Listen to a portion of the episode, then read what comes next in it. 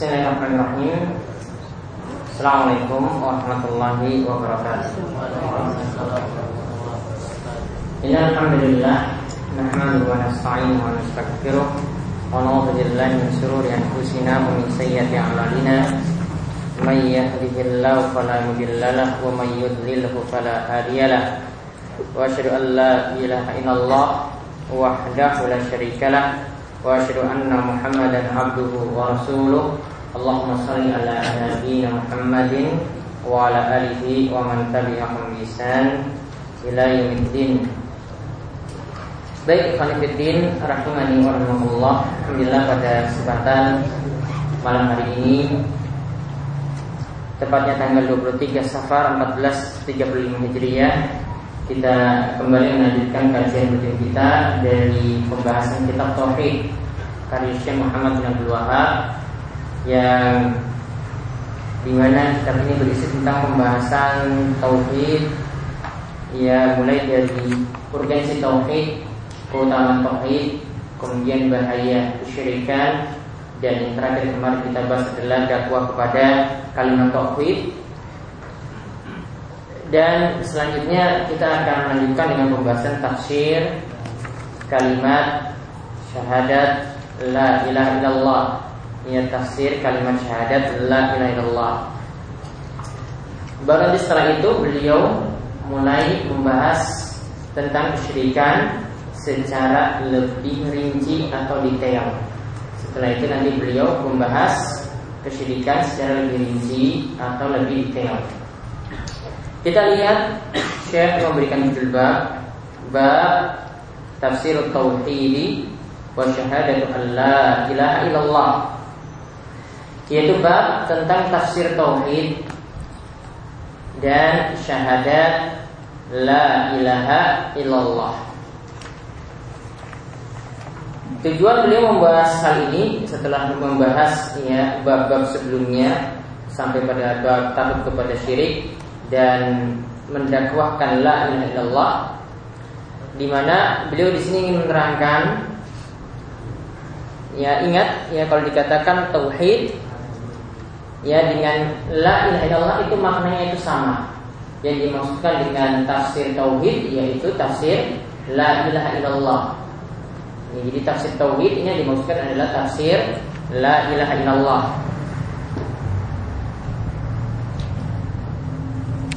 Ya, jadi lafaznya berbeda, ya, Syekh Sulaiman Sataninya itu katakan lafaznya berbeda, tapi maknanya itu satu. Tauhid yaitu yang dimaksud adalah kalimat la ilaha illallah. Jadi nanti beliau ingin menerangkan tentang tafsiran kalimat la ilaha illallah dilihat dari beberapa dalil dan yang terpenting yang ingin beliau bawakan bahwasanya kalimat la ilaha illallah itu tidak cukup di lisan. Yang paling penting yang beliau bahas yaitu kalimat la ilaha illallah itu tidak cukup di lisan tapi juga harus dipahami maknanya.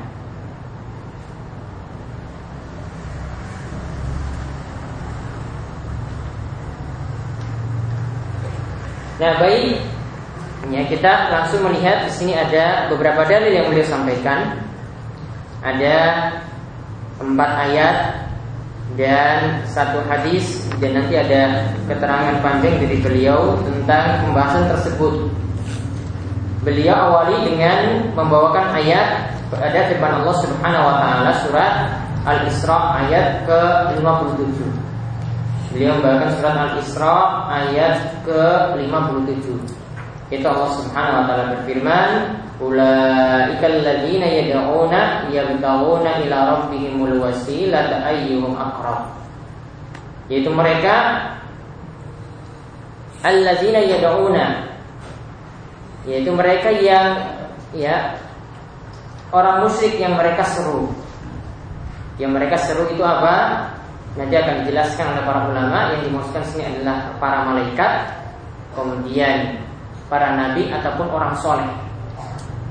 Jadi orang musyrik yang menyeru orang-orang soleh tadi Ya betaguna ila rabbihimul wasilah Orang-orang soleh tersebut Itu malah mengharapkan wasilah Kedekatan kepada Allah subhanahu wa ta'ala Yang perantara kepada Allah ayyuhum akrob siapakah di antara mereka yang lebih dekat pada Allah? Kita lihat orang musyrik. Allazina yad'un. Yang menyeru yaitu menyeru siapa? Menyeru orang-orang soleh. Ya mereka meminta pada orang soleh sedangkan orang solehnya itu sendiri itu meminta kepada Allah Ya, jadi orang-orang musyrik itu minta pada orang soleh, pada orang-orang solehnya itu sendiri meminta kepada Allah Subhanahu Wa Taala. Ini yang disebutkan dalam surat Al-Isra ayat ke 57.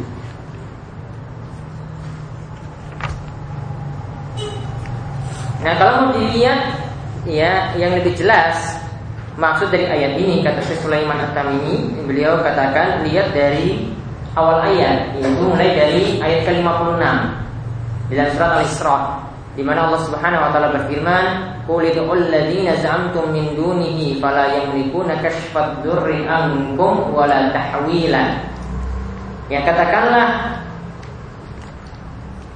yaitu mereka yang menyeru za'amtum apa yang kalian klaim min dunihi yaitu yang selain Allah yaitu mereka yang diseru tadi fala yang melikun mereka tidak berkuasa untuk kasfadur untuk menghilangkan kemudaratan ya dari kalian wala tahwila dan tidak bisa melepaskannya.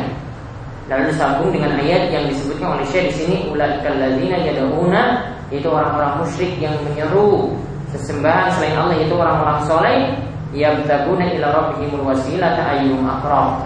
Yaitu mereka sendiri orang-orang soleh tersebut itu menjadikan perantara kepada Allah siapakah di antara mereka yang lebih dekat.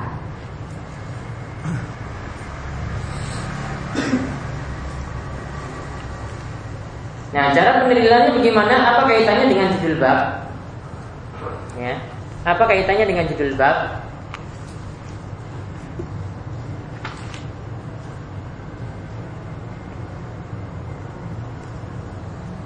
Diterangkan Kita terlebih dahulu lihat Apa yang disuruh tadi. Orang-orang soleh yang disuruh itu siapa? Di sini ada tafsiran di antara para ulama. Ada yang mengatakan Orang-orang soleh yang disuruh dalam ayat ini Yang diminta dalam ayat ini adalah Isa.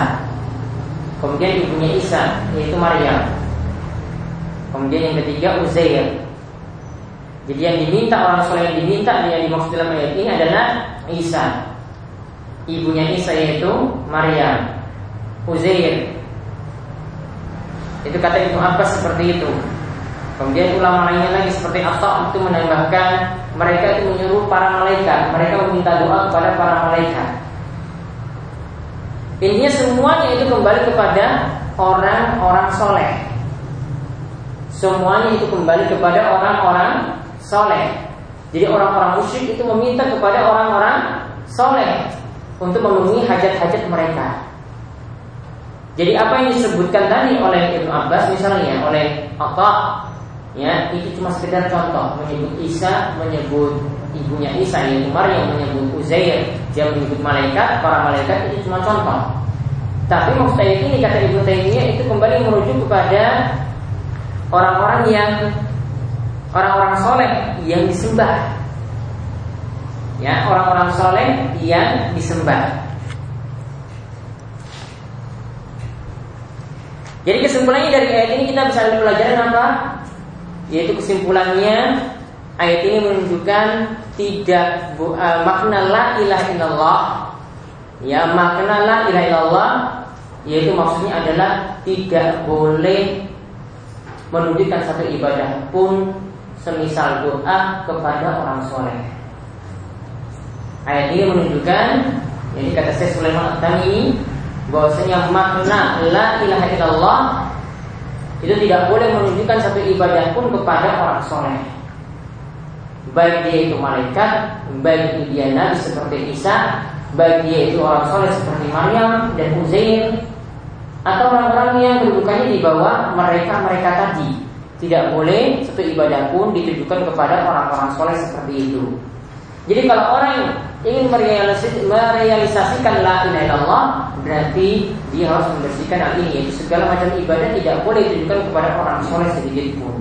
Jadi bentuk peribadatan kepada orang soleh itu adalah suatu kesyirikan di sisi Allah Subhanahu wa taala.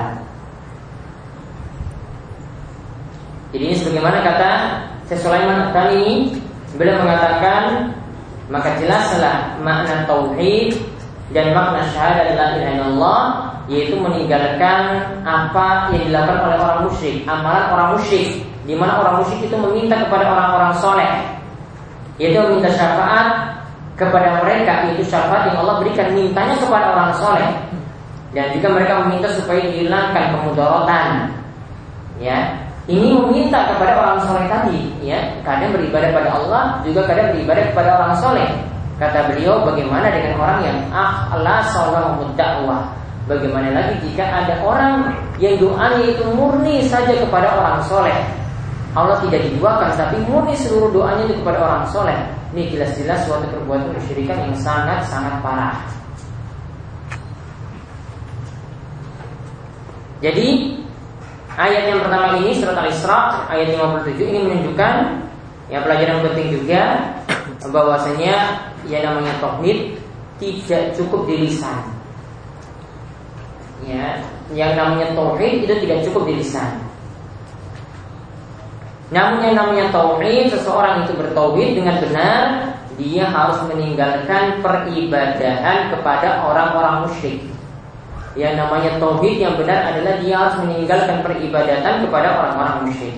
Meninggalkan peribadatan seperti yang dilakukan oleh orang-orang musyrik, yaitu meminta-minta kepada orang soleh.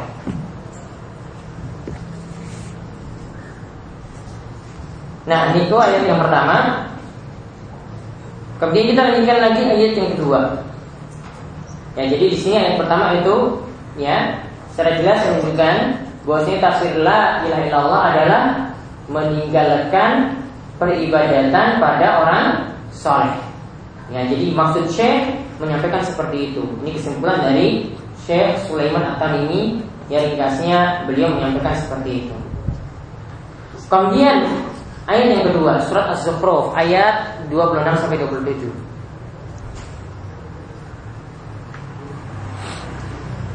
Yaitu Allah Subhanahu wa taala berfirman wa qala Ibrahim li abihi wa qaumihi innani bara'un mimma ta'budun illa allazi fatarani. Allah Subhanahu wa taala berfirman dan ketika Ibrahim itu mengatakan li abi kepada ayahnya. Ketika Ibrahim itu mengatakan kepada ayahnya, "Innani bara'un mimma ta'budun." Sesungguhnya aku berlepas diri dari apa yang kalian sembah. Jadi Ibrahim katakan kepada ayahnya dan kaumnya, sesungguhnya aku berlepas diri terhadap apa yang kalian sembah. Ilallazi fatarani kecuali peribadatan kepada yang menjadi penciptaku, yaitu Allah Subhanahu wa taala. Yang maha menciptakanku yaitu Allah Subhanahu wa taala. Ibadahku hanya untuk Allah. Jadi fatarani di sini maknanya adalah khalaqani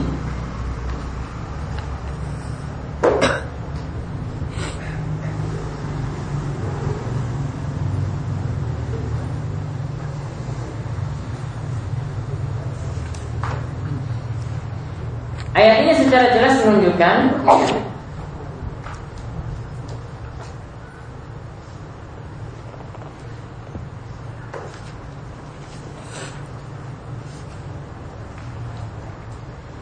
bahwasanya kaum Ibrahim ya'budun Allah wa ya'buduna ghairahu. Yang namanya kaum Ibrahim ya ayahnya dan kaum Ibrahim itu menyembah Allah Ya, jadi mereka itu menyembah Allah dan juga menyembah selain Allah. Jadi jangan kira kaum Ibrahim itu cuma beribadah kepada selain Allah saja, kepada patung-patung saja. Itu keliru. Sesulaiman ini itu menjelaskan di sini ya bahwasanya jangan seperti sangkaan orang yang tidak mengerti itu yang mengatakan bahwasanya orang kafir itu tidak pernah mengenal Allah, tidak mengenal Allah sama sekali. Ya, tidak mengenal Allah sama sekali atau mereka tidak menyembah Allah sama sekali. Itu keliru. Orang-orang musyrik atau orang-orang kafir mereka itu menyembah Allah dan juga menyembah kepada selain Allah. Mereka menduakan Allah. Makanya Ibrahim apa? Ingin memurnikan ibadah kepada Allah yang sebagai penciptanya. Ingin memurnikan ibadah kepada Allah yang maha menciptakannya. Dia ingin setiap ibadahnya hanya untuk Allah Subhanahu wa taala. Tidak seperti kelakuan dari ayahnya dan dari kaumnya yang menduakan Allah Subhanahu wa taala dalam ibadah. Kaitannya apa di sini kalimat ini dengan tafsiran tauhid tafsiran kalimat la ilaha illallah karena dalam ayat ini mengandung makna nafi dan isbat seperti dalam kalimat la ilaha illallah. Kita ingat bahwasanya kalimat la ilaha illallah itu punya dua kandungan. Kalimat la ilaha illallah itu punya dua kandungan. Yang pertama nafi, yaitu peniadaan. Yaitu meniadakan segala sesembahan selain Allah meniadakan segala sesembahan selain Allah. Nah ini terdapat pada kalimat Innani bara'um mimma ta'budun. Sesungguhnya aku berlepas diri dari apa yang kalian sembah. Jadi Ibrahim berlepas diri Artinya meniadakan sesembahan-sembahan selain Allah. Dalam kalimat Tauhid inilah maksud dari kalimat La ilaha Kemudian kandungan la ilaha yang kedua adalah di dalamnya itu ada isbat. Ya di dalamnya itu ada isbat atau penetapan. Yaitu menetapkan hanya Allah satu-satunya yang disembah. Menetapkan hanya Allah yang menciptakan kita itulah yang berhak disembah. Maka sebagaimana kata Ibrahim di sini, ilalladzi fatarani. Ibrahim menetapkan kecuali yang menciptakanku. Berarti Ibrahim, Nabi Ibrahim itu cuma beribadah kepada pencipta Allah, pencipta yaitu Allah Subhanahu wa taala. Yang Maha mencipta yaitu Allah Subhanahu wa taala, tidak kepada selainnya. Nah, inilah kandungan dari kalimat tauhid illallah. Jadi ayat ini sudah secara jelas menunjukkan tafsiran la ilaha illallah. Jadi tafsiran la ilaha illallah itu adalah harus meniadakan sesembahan selain Allah dan menetapkan satu-satunya yang disembah adalah Allah Subhanahu wa taala semata. Ya dalam setiap hajatnya dia hanya mohon kepada Allah. Dia meniadakan bergantungnya hati kepada selain Allah, bergantungnya hati ya kepada benda-benda yang tidak bisa membawa manfaat. Yang bergantungnya hati kepada obat misalnya, bergantungnya hati kepada ya makhluk yang soleh ya kepada orang-orang yang soleh. Dia melepaskan ketergantungan hati kepada hal-hal tadi. Dia hanya menggantungkan diri kepada Allah Subhanahu wa taala semata.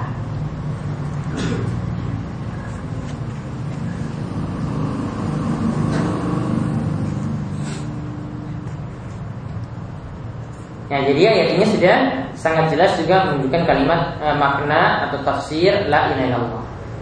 Kemudian ayat yang ketiga Yaitu Allah Subhanahu wa taala berfirman, "Ittakhadhu ahbarahum wa rahbanahum arbabam min dunillah." Itu mereka orang-orang uh, mereka itu menjadikan itu yang dimaksudkan sini adalah ahli kitab. Menjadikan ahbarahum ulama mereka wa rahbanahum dan ahli ibadah mereka arbabam min dunillah sebagai roh-roh selain Allah. Sebagai roh-roh selain Allah. Ini yang dijelaskan dalam surat At-Taubah ayat 31. Jadi ahbarohum itu maknanya adalah ulama. Kalau rubbanahum itu maknanya adalah ubad ahli ibadah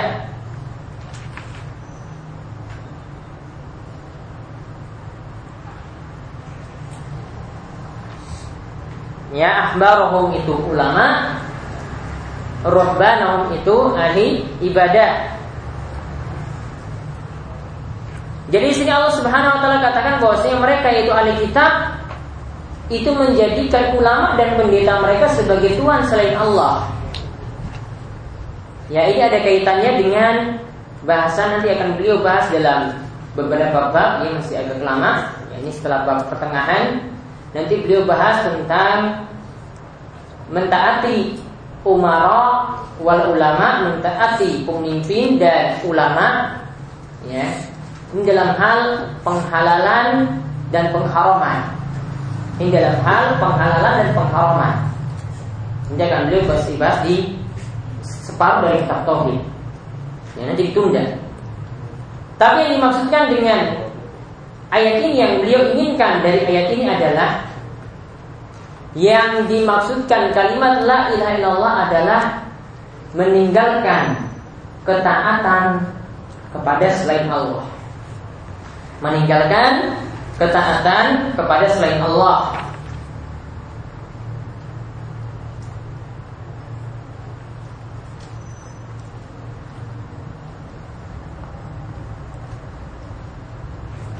Yaitu ketaatan apa di sini? Yaitu ketaatan dalam penghalalan dan pengharaman. Jadi dalam hal penghalalan harus taat kepada hukum Allah dan Rasulnya. Dalam hal pengharaman harus taat kepada hukum Allah dan Rasulnya. Jadi ketika seorang itu menjadikan selain Allah menjadikan ulama, ya dalam bentuk ketaatan artinya dia menghalalkan padahal sudah jelas Allah itu haramkan karena ikut pada ulama ini berarti dia terjatuh dalam syirik ta'ah, syirik dalam ketaatan. Jadi kalau ayatnya itu sudah jelas, dalilnya itu sudah jelas, ini haram, tetapi dia itu halalkan karena mendengar ulama itu mengatakan demikian. Ini karena malu kepada ulama atau kiai, pada dalil sudah sangat-sangat jelas. Maka berarti di sini ada syirik dalam ketaatan. Dan ini bertentangan dengan kalimat la ilaha illallah. La ilaha illallah itu maksudnya adalah meninggalkan ketaatan dalam penghalalan ataupun pengharaman kepada selain Allah Subhanahu wa taala. Jadi dalam masalah taat pun itu adalah diserahkan pada Allah. Jadi taat pada hukum Allah, bukan manut pada ulama. Kecuali dalam masalah istihadiyah. Kalau dalilnya sudah tegas, ya, maka yang menyelisih dikatakan keliru, dikatakan sesat. Kalau sudah ada dalil yang tegas, ya atau sudah ada ijma, maka tidak boleh ada yang menyelisih. Ya misalnya ada dalil yang tegas, ya misalnya dalam masalah ijma misalnya. Ibnu Qayyim sudah menukil adanya ijma bahwa tidak boleh melakukan tahniah ya selamat ucapan selamat dalam perayaan non muslim. Kalau ada ulama belakangan ya itu mengatakan wah ini boleh-boleh saja. Kita mengucapkan selamat ini kan dalam rangka menghormati dalam rangka toleransi. Ulama dulu sudah katakan ijma. Kok ulama belakangan itu katakan beda pendapat? Berarti dia yang katakan beda pendapat tadi. Dia yang katakan tadi sah-sah saja boleh-boleh saja. Ini dikatakan sesat pendapatnya keliru pendapatnya. Pendapat itu dapat dikatakan khata salah karena sudah ada ijma dahulu. Ya, sudah ada ijma dahulu. Kecuali dulu itu berselisih baru ulama sepakat, nah itu masih mungkin. Tapi kalau dulu sudah bersepakat, ya ucapan selamat dalam perayaan muslim itu nggak boleh. Ya, ulama sudah sepakat datang ulama belakangan itu menyelisih, ya maka ulama belakangan ini yang keliru pendapatnya. Jadi kalau ada yang datang belakangan harus katakan ini boleh-boleh saja. Ini dalam rangka menghormati yang kalau pakai ulama Saudi, ulama Saudi agamanya sama apa semuanya? Islam semuanya. Bukan plural seperti negara kita. Kalau rasanya seperti itu keliru. Karena sudah ada ijma terlebih dahulu. Sudah ada kata sepakat terlebih dahulu. Ya, jadi yang datang belakangan berpendapat seperti itu pendapat wong sesat. Ya, pendapat yang keliru. Dapat dikatakan dia keliru. Jelas-jelas dan boleh diingkari. Namun dalam masalah istihadiyah Tidur apakah membatalkan wudhu atau tidak Menyentuh perempuan apakah membatalkan wudhu atau tidak Ya, orang kafir masuk Islam apakah wajib mandi ataukah hukumnya sunnah? Ini dalam masalah istihadiyah. Ketika ada yang keliru bisa saling tolerir. Jika ada yang berbeda, maksudnya jika ada yang berbeda bisa saling tenggang rasa di situ. Oh, ini paling dia beli pendapat ini. Oh dia tidak baca bismillah ketika baca Al-Fatihah Dibanding lagi membeli pendapat mazhab Imam Ahmad Ya, berbeda dalam masalah ini bisa saling saling tenggang rasa. Namun kalau dalam dalil yang sudah tegas, sudah ada ijma di dalamnya tidak boleh ya ada yang menyelisih. Kalau ada yang menyelisih, berarti pendapat itu dikatakan keliru.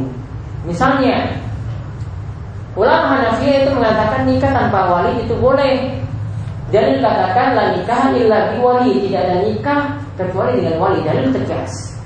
Ulama Hanafiyah berpendapat seperti ini menyelisih dalil yang tegas maka dikatakan pendapatnya itu keliru, tidak boleh diikuti. Jika ada yang mengikuti pendapat tersebut, dikatakan pendapatnya sesat, menyelisih dalil. Contoh pertama tadi itu yang kami katakan menyelisih ijma. Ya.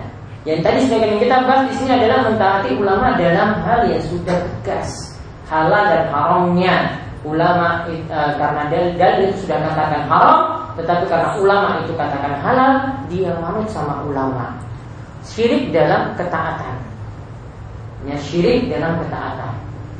Jadi kita kembali makna ayat surat At-Taubah ayat 31 itu berarti adalah tafsiran la ilaha illallah adalah ya meninggalkan ketaatan dalam penghalalan dan pengharaman kepada selain Allah. Jadi la ilallah ini sifatnya umum. Ya, bukan hanya dalam ibadah saja, tapi juga dalam bentuk taat ya dalam bentuk ketaatan. Jadi ada yang namanya makbud, ada yang namanya disembah selain Allah ada, ada juga yang namanya muta, ada yang ditaati juga selain Allah. Seperti para ulama itu ditaati dalam penghalalan dan pengharaman.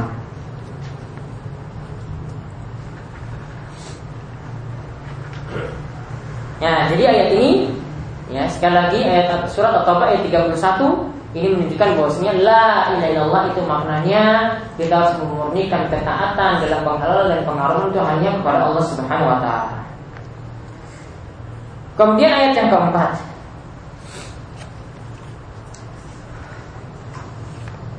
Masih berkaitan juga tentang makna la ilaha illallah. Beliau membawakan dalil firman Allah dalam surat Al-Baqarah ayat 165 Wa minan nasi may yattakhidhu min dunillahi andada.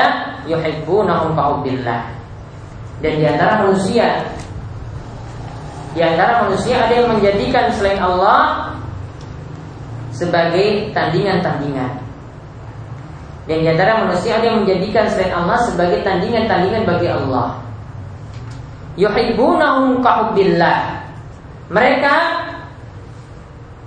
mencintai sembahan-sembahan mereka itu sebagai eh, sebagaimana kecintaan mereka kepada Allah. Mereka mencintai sembahan-sembahan mereka sebagaimana kecintaan mereka kepada Allah. Kalau kita melihat dalam lanjutan ayat disebutkan setelah ya yaitu dalam surat yang sama dalam Al-Baqarah ayat 165 wa minan nasi may yattakhidhu min dunillahi andada yuhibbunahum ka disebutkan walladzina amanu asyaddu hubbalillah Sedangkan orang-orang yang beriman itu sangat cinta kepada Allah. Jadi cintanya itu murni kepada Allah Subhanahu wa taala. Jadi sini Allah gambarkan bagaimana kecintaan orang musyrik dan kecintaan orang beriman. Dalam ayat ini Allah itu menggambarkan bagaimana kecintaan orang musyrik dan kecintaan orang beriman. Kecintaan orang musyrik di sini disebutkan ya yuhibbuna Mereka orang musyrik itu mencintai sembahan-sembahan mereka sebagaimana kecintaan mereka kepada Allah. Ayat ini, ya, kalimat ini ada dua tafsiran. Yuhibbun billah itu ada dua tafsiran.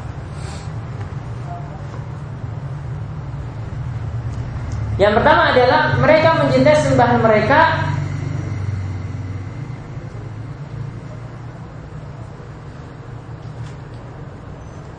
yang mereka mencintai sembahan mereka yaitu besarnya cinta mereka kepada sembahan mereka itu sama besarnya dengan ya kecintaan mereka kepada Allah.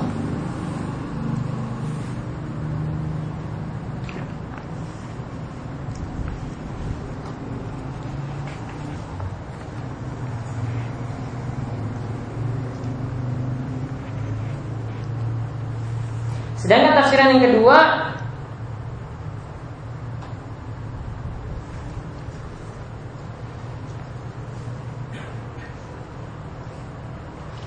yaitu orang musyrik.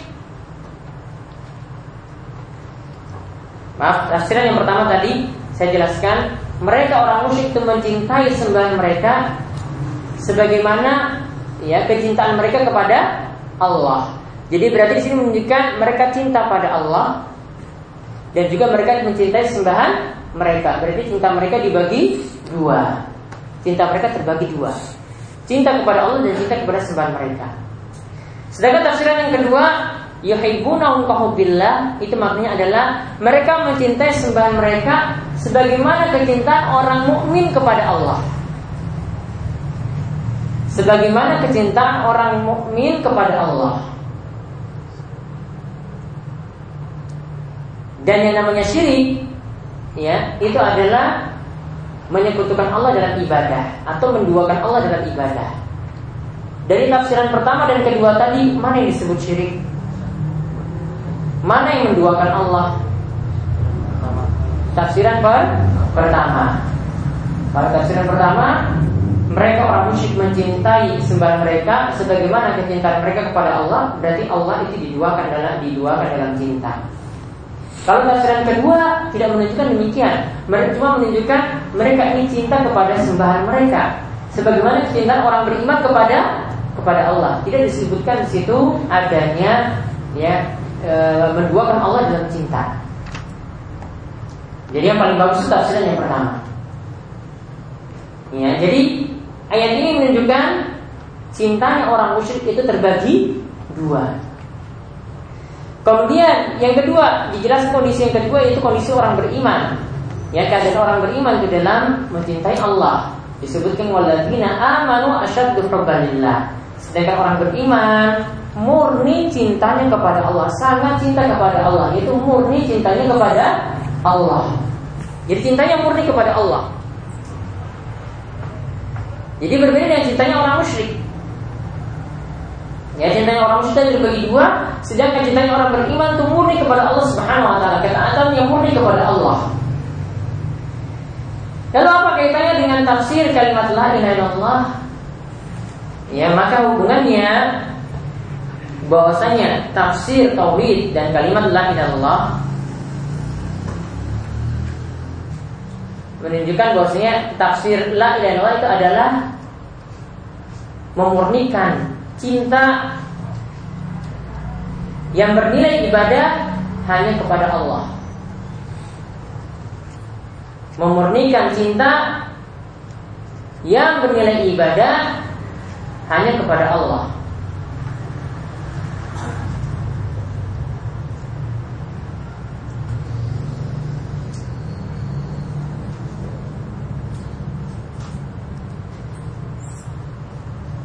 Ya, kemudian meninggalkan perbuatan menduakan Allah dalam hal cinta.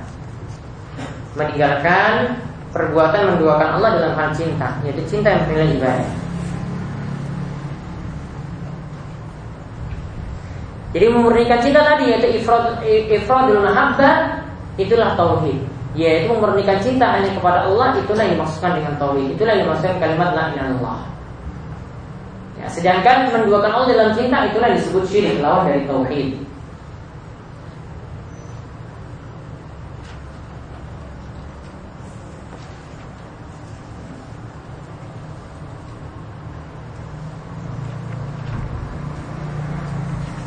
Kemudian dalil yang berikutnya lagi dari hadis. Wafis sahih.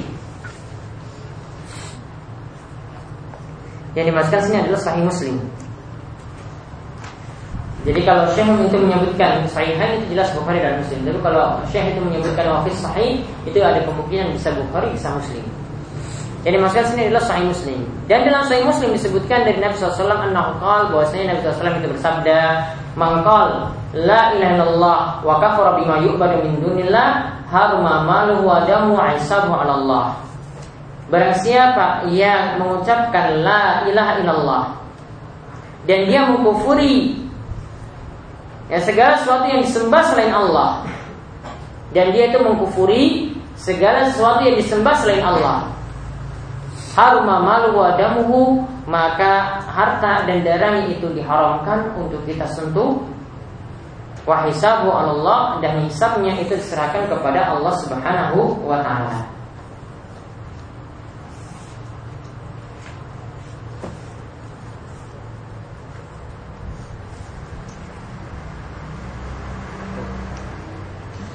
Jadi dalam hadis ini Nabi SAW ingin menyebutkan bahwasanya harta dan darah itu bisa aman karena dua sebab.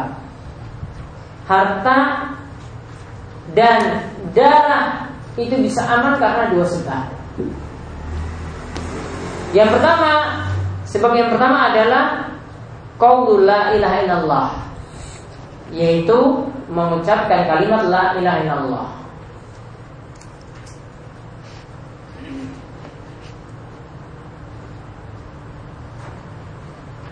Namun tidak cukup dengan lafaz saja, ini disertai keyakinan. Kemudian yang kedua, darah dan harta itu bisa aman. Ya berdasarkan hadis ini adalah wakaf bima dunillah, yaitu mengkufuri segala sembahan selain Allah.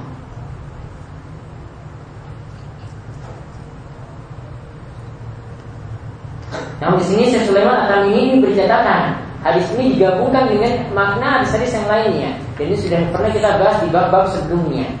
Yang mengucapkan la ilaha illallah di sini lam yaktafi bil lafzil mujarrad anil makna.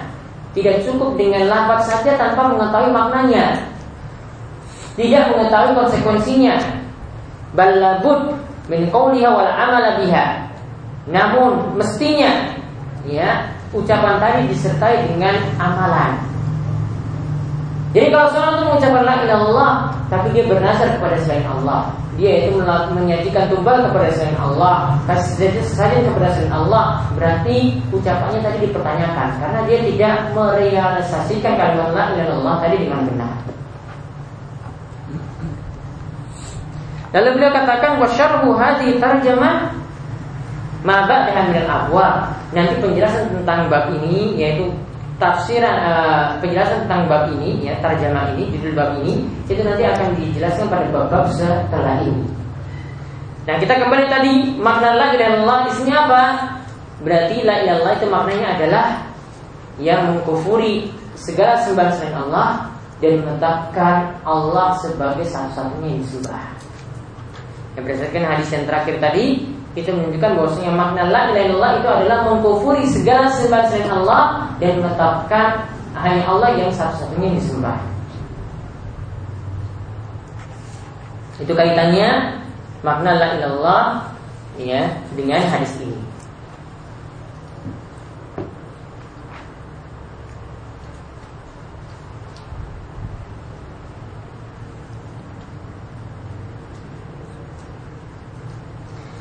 Nah, baru setelah ini nanti beliau akan jelaskan satu persatu tentang maksud dari ya bab kesyirikan mulai dari syirik kecil beliau bahas syirik asghar sampai syirik besar sampai beberapa perantara menuju kesyirikan.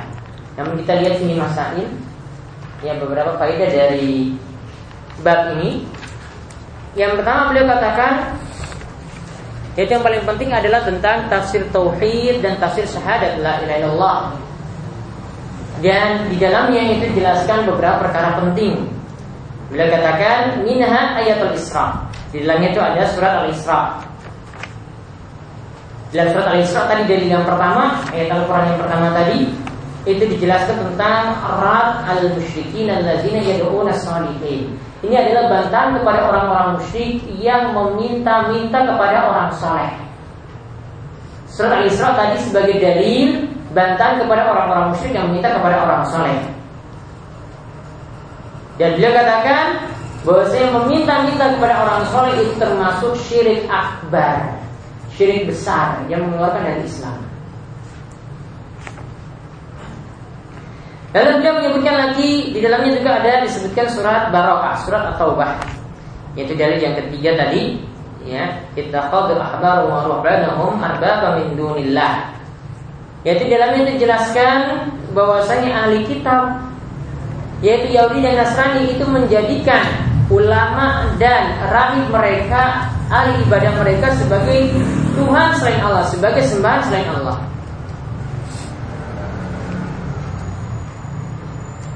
Padahal apa? Annahum lam ya'muru illa bi ayya'budu ilahan wahida. Padahal ya sesembahan mereka tadi yang ditaati oleh orang Nasrani tadi dan Yahudi tadi itu hanya memerintah supaya beribadah kepada Allah saja.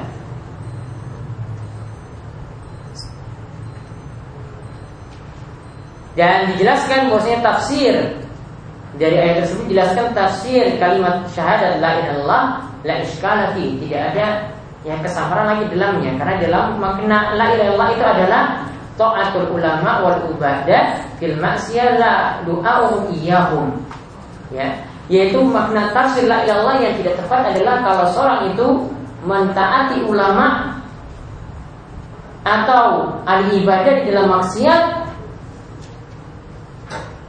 ya tidak meminta kepada mereka tadi.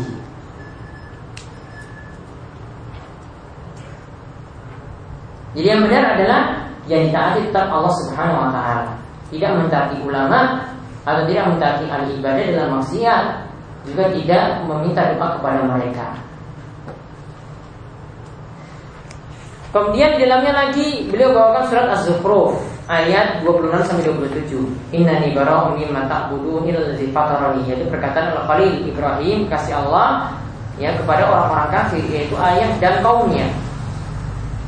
Jadi dalam ayat tersebut ilallazi fatarani maka Nabi Ibrahim itu mengecewakan yang disembah tadi cuma Allah saja. Jadi ditetapkan sebagai sembahan itu hanyalah Allah Subhanahu wa taala.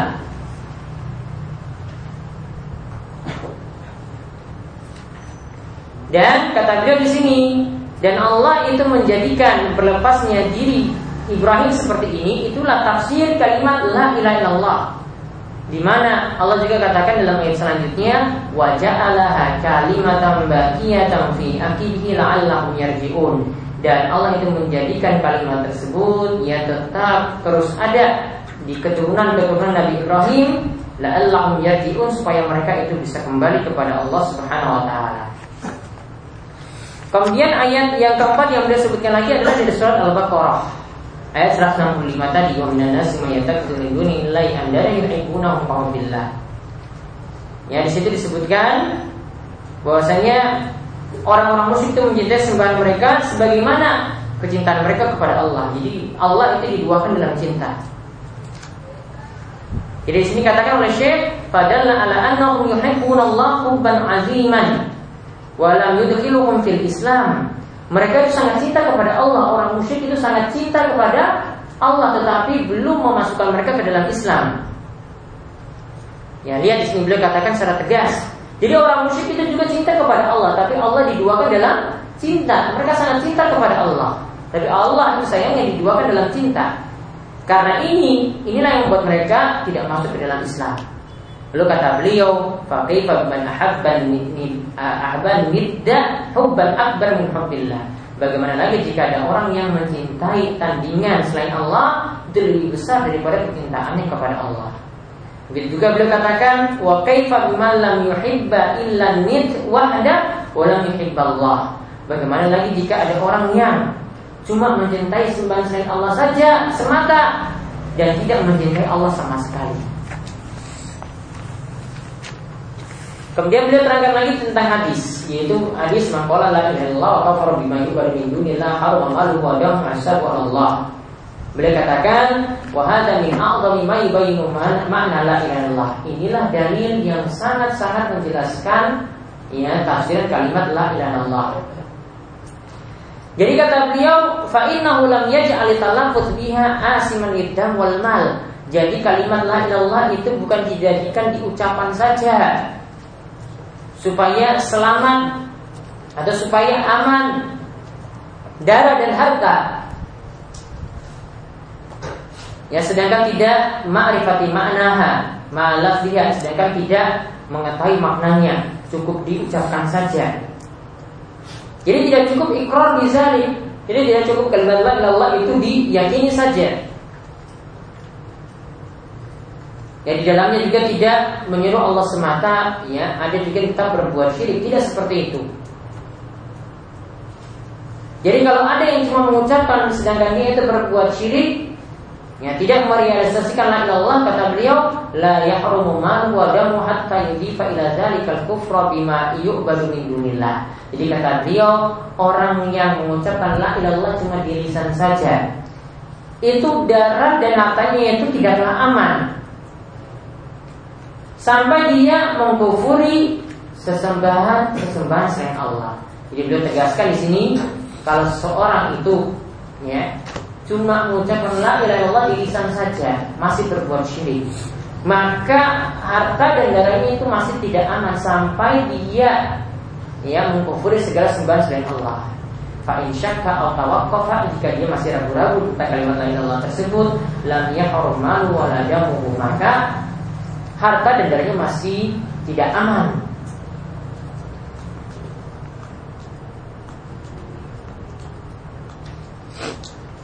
Lalu dia katakan terakhir, inilah ya masalah yang sangat penting, yang sangat jelas ya dan penjelasan yang sangat gamblang. Wa hujjatil ma'af ahlil munazi dan sebagai hujjah bagi orang-orang yang ingin menyelisih hal ini.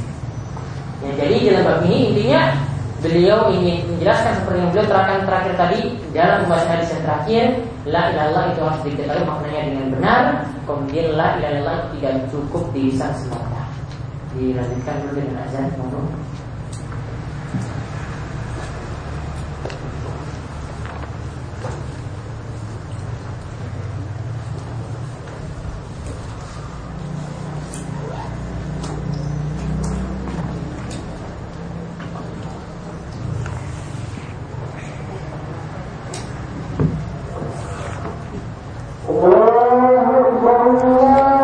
Baik selanjutnya kita lihat bab yang baru yaitu bab min syirki lubsul halqati wal khayti wa nahwi ima li raf'il bala'i aw jar'ihi yaitu bab termasuk kesyirikan. Jadi sudah ditegaskan langsung ini termasuk syirik. Yaitu menggunakan halqah yaitu benang wal khayt gelang dan selain keduanya il bala'i audafihi untuk menghilangkan suatu bala yang musibah audafihi atau mencegahnya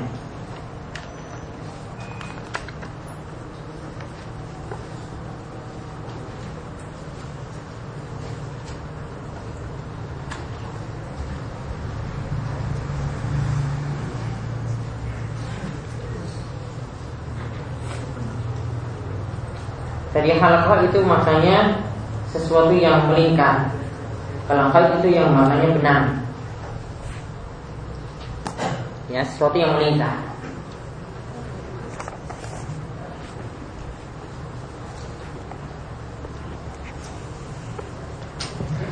Jadi apa tafsir kalimat tauhid yang tadi kita telah bahas rinciannya seperti apa? Beliau awali dengan menjelaskan tentang di antara bentuk syirik.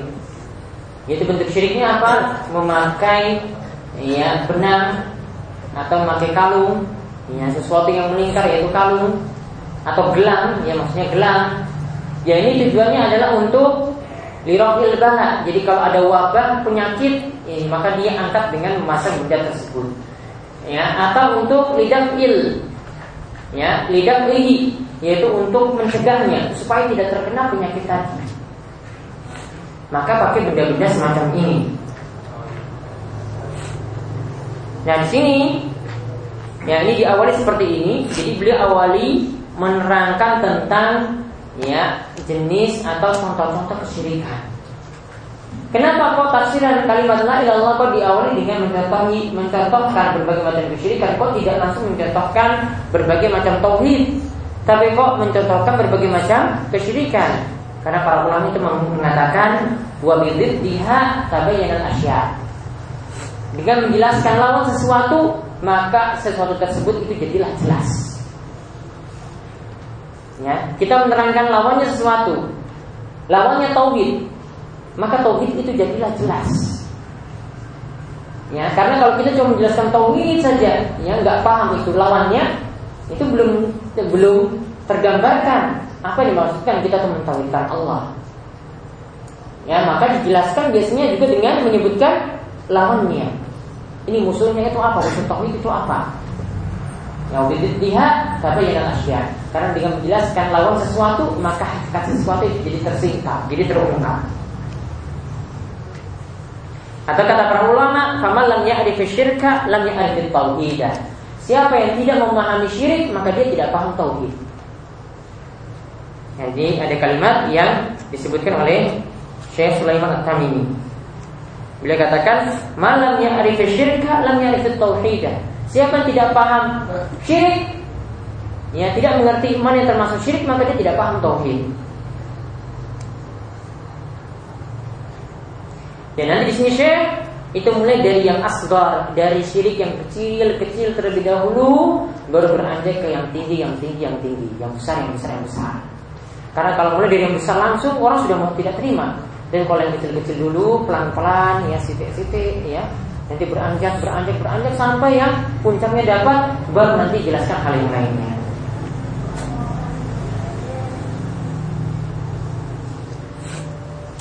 Nah, nanti tentang penjelasannya ayat-ayatnya Allah kita bahas sesudah